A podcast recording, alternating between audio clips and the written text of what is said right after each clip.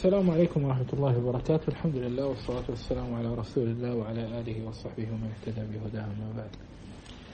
فهذا هو الدرس الثالث عشر الموجه لأكاديمية نبراس اليقين في أصول الفقه في دراسة كتاب الأصول من علم الأصول عذرا على الانقطاع اليومين الماضيين لكن نحن مشينا مشيا سريعا ولطيفا. فحقيقة معنا وقت يعني حنا اتفقنا على ثلاثين درسا لكن يبدو أننا سنأخذ الكتاب بنصف ذلك إن شاء الله أو أقل من أو نصف فوق النصف بزيادة. اليوم وصلنا عند باب التعارض وهذه نقطة مهمة جدا. نحن الآن نعرف أن هناك أدلة من القرآن هناك أدلة من السنة هناك أدلة من من الإجماع من القياس. وهذا باب دائما ينفذ منه أهل الباطل ينفذ منه أهل الباطل. يأتون يقولون هنا تعارض هنا تعارض. آه هذا الحديث الفلاني يعارض الآية الفلانية. طبعا لما أخذنا دروس أصول الفقه في العموم والخصوص عرفنا أن كثيرا ما يظن أنه تعارض هو عموم وخصوص. وكذلك المطلق والمقيد. وقد اهتم علماء الإسلام في بموضوع التعارض فللشافعي رسالة اختلاف الحديث ولابن قتيبة رسالة اسمها تأويل مختلف الحديث. وهناك بيان مشكل الآثار للطحاوي وهناك رسالة معاصرة اسمها مختلف الحديث عند الإمام أحمد. وهناك رسائل في الناسخ والمنسوخ لأبي عبيد القاسم بن سلام وللحازمي ولغيرهم تبين أوجه الجمع بين النصوص التي قد يظن فيها التعارض. غير ما يوجد في عدد من كتب الحديث من صحيح ابن خزيمة وحتى صحيح البخاري الجمع بين الأخبار التي يظن بينها التعارض. طيب. مثلا حين نأتي إلى حديث سحر النبي صلى الله عليه وسلم يقول, يقول لك هذا الآن يعارض القرآن لأن القرآن يذكر عن المشركين أن النبي صلى الله عليه وسلم رجل مسحور. المشركون تحدثوا عن سحر من نوع يؤثر على عقله والحديث أثبتت السحر المؤثر على بصره فقط. وأما مؤثر على عقله بحيث يتدخل بالوحي فهذا لم يقع بل الحديث يذكر أصلا أنه جاءته حماية إلهية واكتشف مكان السحر وأزال كل شيء. وأما المشركين فكانوا يتكلمون عن زوال العقل بالكلية. يعني نحن الآن بإمكاننا أن نفرق بين بين الإنسان آه الذي نقول عنه مريض نفسي وبين المجنون تماما. طبعا حاشا رسول الله لكن فقط لنقرب الأمر. هذا ليس مثل هذا. وإن كان كثير من الناس يظنون أنه شيء واحد. بإمكاننا أن نفرق بين الإنسان آه المصاب مثلا بزكام وبين المصاب بكورونا كما نرى اليوم. فهناك فارق مع أن في درجة درجة من التقاطع لكن هناك فارق. فلما واحد يقول لك أنت مصاب بكورونا تقول له لا أنا أنا مزكوم ما عاد في تعارض ما عاد في تعارض يعني. لم يعد هناك تناقض. طيب. وهناك مثلا رسالة الشيخ محمد الأمين الشنقيطي دفع إيهام الاضطراب عن آيات الكتاب رسالة ابن قتيبة تأويل مشكل القرآن. هذه كلها رسائل يحسن بطالب العلم الاطلاع عليها لأنها حتى توفر ملكة عند طالب العلم في التعامل مع مثل هذه الأبواب. نقرأ كلام المصنف رحمه الله. التعارض. التعارض تعريفه التعارض لغة التقابل والتمانع واصطلاحا تقابل دليلين بحيث يخالف أحدهما الآخر. وأقسام التعارض أربعة. الأول أن يكون بين بين دليلين عامين وله أربع حالات.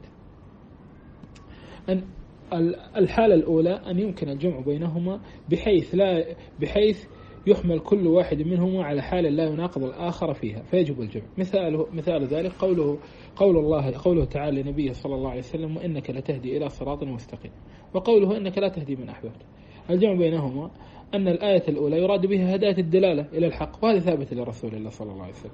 والثاني يراد بها هداية التوفيق للعمل وهذه بيد الله لا يملكها الرسول صلى الله عليه وسلم ولا غيره. أيضا مثال لا عدوى ولا طيرة ولا يورد ممرض على مصح الآن لا عدوى هذا نفي للعدوى أصلا. وفي حديث لا يورد ممرض على مصح وأبو هريرة ترك حديث لا عدوى صار لا يرويه مع رواه صحابة آخرين وصار يركز على حديث لا يورد ممرض على مصح طيب ما الفارق ما الفارق بين ما المراد؟ المراد مثلا بنفي العدوى نفي حتمية تأثير العدوى وأن العدوى هي لوحدها تؤثر. بل العدوى لا تؤثر بشكل حتمي قطعي بل هناك عوامل وأسباب معها فقد تتع... وهذا في كل الأسباب. كل الأسباب ليست علة تامة وإنما علة ناقصة. ما المقصود بهذا الكلام؟ المقصود أن كل سبب يمكن أن يؤثر. ويمكن أن لا يؤثر. وكونه يمكن أن لا يؤثر ليس معناه أنه خال من التأثير بالكلية. فعلى سبيل المثال أنا الآن لو دفعتك فسقطت دفعتي هذه تسبب سقوطك. صح؟ طيب ماذا لو كان خلفك شخص يسندك فدفعتك؟ فلم تسقط. الآن ليس لأن دفعتي لا تسقط مثلك لا أنت لم تسقط ولكن لوجود مانع أقوى من دفعتي. طيب ممكن آتي ودفعتك فسقطت سقطة شنيعة لأن هناك إنسان جالس تحتك آه، أو إنسان سحبك إلى الوراء. فدفعتي في الأصل لا لا تسقطك بعيدا ولكن لأن هناك إنسان سحبك إلى الوراء فالدفعة سحبتك آه، بعيدا. هكذا ينبغي أن ينظر الأسباب. الأسباب ليست حتمية التأثير. فمثلا حين أقول لك السرطان سبب رئيسي في الدخ... في التدخين. يعني في عفوا التدخين سبب رئيسي في حصول السرطان. لا تأتيني وتقول لي هناك أناس يشربون الدخان ولم ولم يصيبهم السرطان. فأقول لك أنا قلت لك سبب وكونه سبب ليس معنى علة تامة. قد توجد موانع تمنع منه ولكن قد يعمل هذا السبب ويكون أحد العوامل المؤثرة في ظروف معينة. وليس هو السبب الوحيد. هذا هو التفسير. طيب. الأمر الثاني يقول الشيخ رحمه الله فإن لم يمكن الجمع وأحيانا يكون الجمع بينهما أنهما عموم وخصوص. أنهما عموم وخصوص. لكن هو الآن يتكلم عن الجمع بين الحالين العامة يقول فإن لم يكن الجمع فالناسخ متأخر إن علم التاريخ فيعمل به دون الأول. مثال ذلك قوله تعالى في الصيام فمن تطوع خيرا فمن تطوع فمن تطوع خيرا فهو خير له وأن تصوموا خيرا لكم. هذا في بداية الإسلام فيقول فهذه الآية تفيد التخيير بين الأطعام والصيام مع ترجيح الصيام. وقوله تعالى فمن شهد منكم الشهر فليصومه. وقلنا هذا نسخ للتدريب. ومن كان منكم مريضا أو على سفر فعدة من أيام أخرى. تفيد تعيين الصيام أداء في حق غير المريض والمسافر وقضاء في حقهما. لكنه متأخرة فتكون ناسخة كما يدل على ذلك حديث سلم الأكوع الثابت في الصحيحين وحقيقة في إجماع وغيرهما. فإن لم يعلم التاريخ عمل بالراجح وإن كان إن كان هناك مرجح. مثال ذلك قوله صلى الله عليه وسلم مس ذكره فليتوضأ. وسئل رسول الله صلى الله عليه وسلم عن الرجل يمس ذكره عليه وضوء قال لا إنما هو بضعة منك. فيرجح الأول لأنه أحوط ولأنه أكثر طرقا ومصححه أكثر ولأنه ناقل عن الأصل ففيه زيادة علم. هنا رجح الشيخ بعيد الترجيع طبعا حديث بضعة منك أصلا مضاعف ضعفه كثير من أهل العلم. وحديث من مس ذكره فليتوضأ هو فعلا فتاوى الصحابة معه. هناك صحابة لم يكونوا يرون مس الذكر من الوضوء. عفوا الوضوء من مس الذكر. ولكن مأخذ القياس فيهم واضح. فقالوا سواء مسست أو مسست أنفي. الصحابي إذا أفتى بخلاف القياس يؤخذ بقوله. على الصحابي اللي مع القياس. فمثلا صحابي قال لك مس الذكر ليس فيه الوضوء. هذا هو الأصل. الأصل أننا أن وضوءنا لا ينتقض بما لا يوجد في القرآن. فجاء واحد قال لا مس الذكر فيه الوضوء. أنت تعرف أن الصحابي لم ينتقل على الأصل إلا بدليل. مثلا زكاة الحلي ذكرنا. صحابي قال لك زكي. هذا ظاهر القرآن أن الذهب يزكى واحد قال لا ما فيها زكاة. الصحابي انتقل هنا من الأصل إلى غيره. فلما انتقل من الأصل إلى غيره دل على أن معه زيادة فعل يقول فإن لم يوجد مرجح وجب التوقف ولا يوجد له مثال صحيح. القسم الثاني أن يكون التعارض بين خاصين فله أربع حالات أيضا. أن يمكن الجمع بينهما فيجب الجمع. مثال مثاله مثاله حديث جابر رضي الله عنه في صفة حج النبي صلى الله عليه وسلم أن النبي صلى الله عليه وسلم صلى الظهر يوم النحر بمكة وحديث ابن عمر رضي الله عنهما أن النبي صلى الله عليه وسلم صلاها بمنى فيمكن الجمع بأنه صلاها بمكة ولما خرج إلى منى أعادها بمن فيها من أصحابه. فإن لم يمكن الجمع فالثاني ناسخ إن علم التاريخ. مثاله قوله تعالى يا أيها النبي إنا أحللنا لك أزواجك اللاتي آتيت أجورهن وما ملكت يمينك مما أفاء الله عليك وبنات عمك وبنات عماتك. الآية من سورة الأحزاب. وهذه الآية نزلت تأديبا لأمهات المؤمنين لما أثقلن على النبي صلى الله عليه وسلم في أمر النفقة والنبي متزهد فالله عز وجل اختبر أمهات المؤمنين كما اختبر المؤمنين أولا وقال ولا نبلونكم بشيء من الخوف والجوع ونقص من الأموال والأنفس والثمرات. وبعد هذا أمر الله نبيه أن يأتي ويخير أمهات المؤمنين. إن أردنا أن يبقين معه على شظف العيش أو يترك فبقينا معه. فبعد ما بقينا معه كافأهن رب العالمين بها بهذه الآية وقوله لا يحل لك النساء من بعده ولا أن تبدل بهن من أزواج ولو أعجبك حسنهن. يعني هذه المواساة لأمهات المؤمنين بعد تلك الآيات الجديدة فالثانية ناسخة للأولى على أحد الأقوال.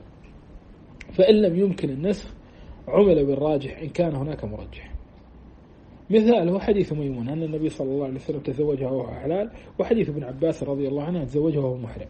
فالراجح الأول لأن ميمونة صاحبة القصة هي قالت أن تزوجني وأنا حلال. ولأن حديثها مؤيد بحديث أبي رافع رضي الله عنه تزوجها وهو حلال. يقول وكنت الرسول بينهما يعني كان الرسول بين النبي صلى الله عليه وسلم وميمونة أما ابن عباس فرأى خالته ميمونة مع النبي وهو محرم فقال يبدو أن تزوجها وهو محرم. فإن لم يوجد مرجح وجب التوقف ولا يوجد له مثال صحيح. القسم الثالث التعارض بين عام وخاص فيخص العام بالخاص. هذا أمثلته لا تكاد تحصر كثيرة جدا. مثاله الآن مثلا والسارق والسارقة فاقطعوا أيديهما لم يذكر نصابا. ها ولم يذكر آه، من أين تقطع اليد. والسنة بينت النصاب وأن اليد تقطع من مكان معين وبينت والعلماء اتفقوا أن من سرق من بيت المال لا يقطع وأن العبد إذا سرق من سيده لا يقطع. عند عامة أهل العلم وأن الإنسان إذا سرق من ثمر أو كثر ومن غير حرز لا يقطع وهكذا. مثال قوله صلى الله عليه وسلم فيما سقط السماء العشر وقوله ليس فيما دون خمسة أوسق صدقة خمسة أوسق صدقة فيخص الأول بالثاني ولا تجب الزكاة إلا فيما بلغ خمسة أوسق. طيب. القسم الرابع أن يكون التعارض بين نصين أحدهما أعم من الآخر من وجه وأخص من وجه فله ثلاث حالات. أن يقوم دليل على تخصيص عموم أحدهما بالآخر فيخصص به. مثاله قوله تعالى والذين يتوفون منكم ويذرون أزواجا يتربصن بأنفسهن أربعة أشهر وعشرة هذا الآن عدة المتوفى عنها زوجها أربعة أشهر وعشرة. وقوله ولاة الأحمال أجلهن يضعن حملهن طيب ممكن تضع حملها بعد سبعة أشهر بعد ثمانية أشهر أكثر.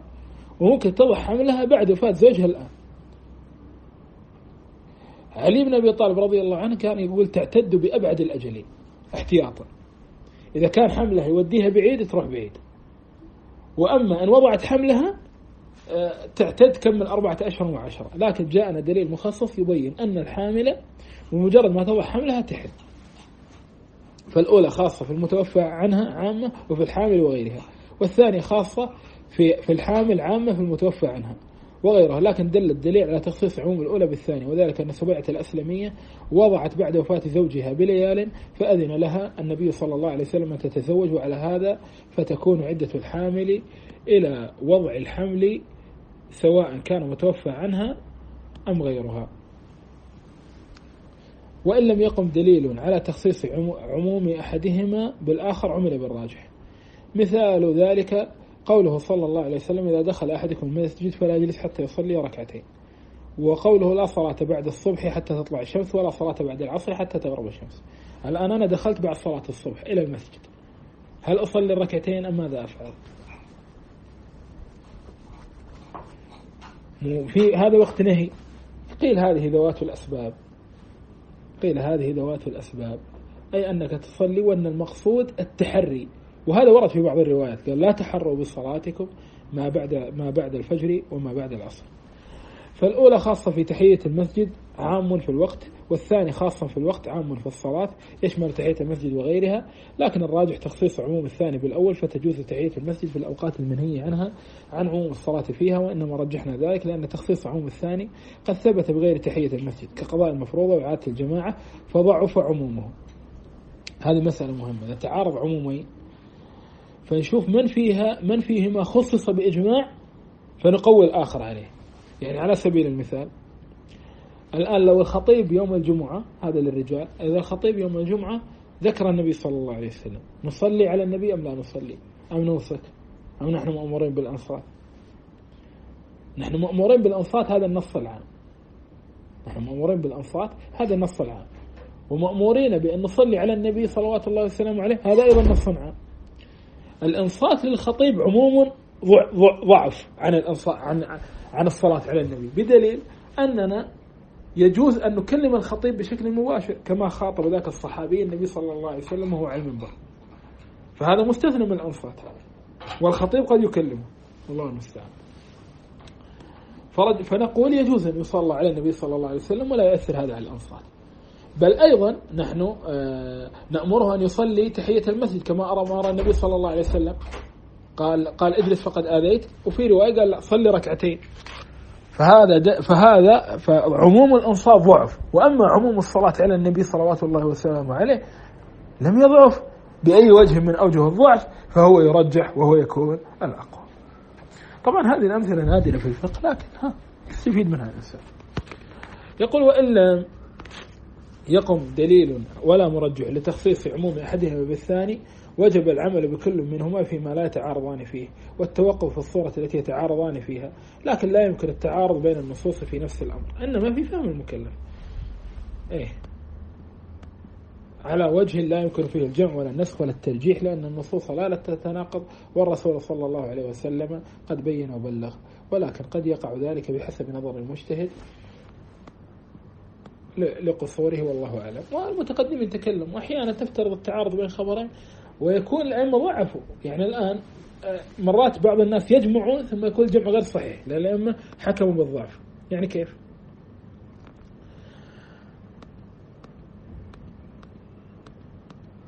أنا ما أدري آه، البحث في حجية قول الصحابي الشيخ جابه أو لا.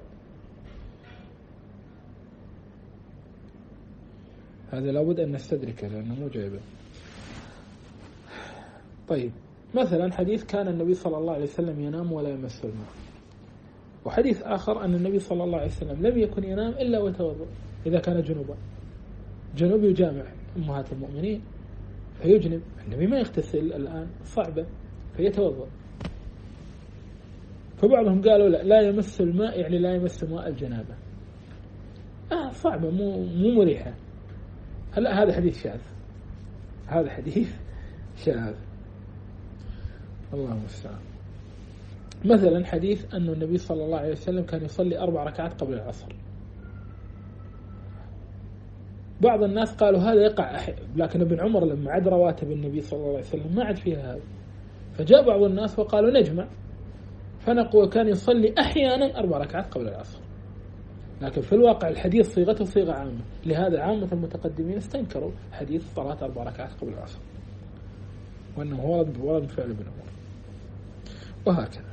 هذا وصلى اللهم على محمد وآله وصحبه وسلم.